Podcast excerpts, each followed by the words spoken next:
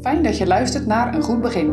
In deze serie luisteren we naar de profeet Jezaja. Vandaag met Gertjan van der Jocht. Gisteren stond de dag van bekering centraal. Bij bekering hoort een hartelijk vertrouwen van de Heer en zijn woord. Wat heb jij met de oproep gedaan die gisteren aan jou is gedaan?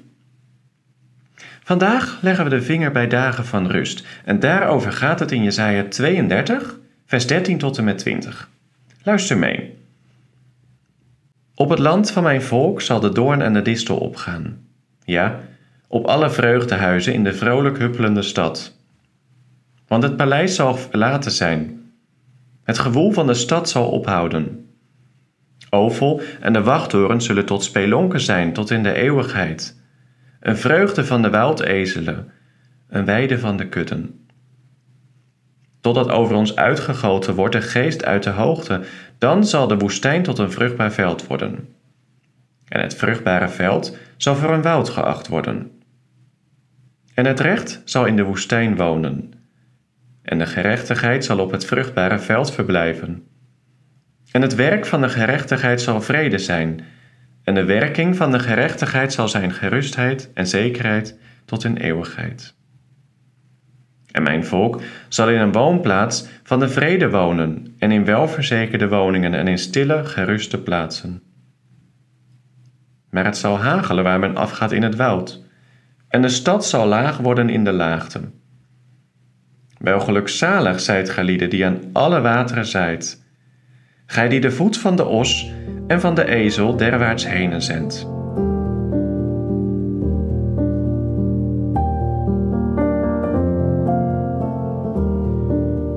Na weken van werken of studie heb je rust nodig. Misschien zeg je na een intensieve dag: Ik ben toe aan welverdiende rust. In dit stukje gaat het over rust. En, heel eerbiedig gezegd, ook over verdiende rust. Er is heel veel onrecht in de wereld. Om boos van te worden. Het kan je ook moedeloos maken, omdat het lijkt alsof dat onrecht altijd maar doorgaat.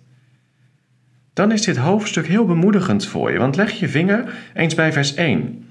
Zie, een koning zal regeren in gerechtigheid. De Heere regeert. En zijn koninkrijk komt echt. Hoe komt dat koninkrijk in de wereld? En hoe komt dat in jouw hart? Dat kan door het werk van de Heilige Geest. Kijk naar vers 15. Totdat over ons uitgegoten wordt de Geest uit de hoogte. Daarvoor moet je naar boven kijken. Het is de Geest uit de hoogte. De redding komt van boven. Kijk dus niet alleen naar die nieuwsberichten, maar kijk omhoog. Ja, en natuurlijk, dan wil je ook op aarde eerlijkheid en recht. Dan strijd je tegen het onrecht en dan verlang je naar rust. Maar vergeet niet jezelf als je zo druk bent in jouw strijd tegen het onrecht. Is in jouw leven het werk van de Heilige Geest te zien? Dan laat de Heer jou zien dat je hart zondig is. Dat je schuld maakt voor de Heer. Dan komt er onrust in je hart. En hoe hard je ook werkt, die rust kun je zelf niet verdienen.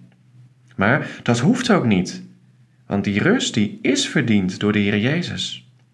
Hij heeft de zonde verzoend en de schuld betaald. De Heilige Geest wil je leren om op het werk van de Heer Jezus te zien. In het prachtige tweede vers van dit hoofdstuk gaat het over Hem. En die man zal zijn als een verberging tegen de wind en een schuilplaats in een dorre plaats en als de schaduw van een zware rots in een dorstig land. Ken jij die dagen van rust?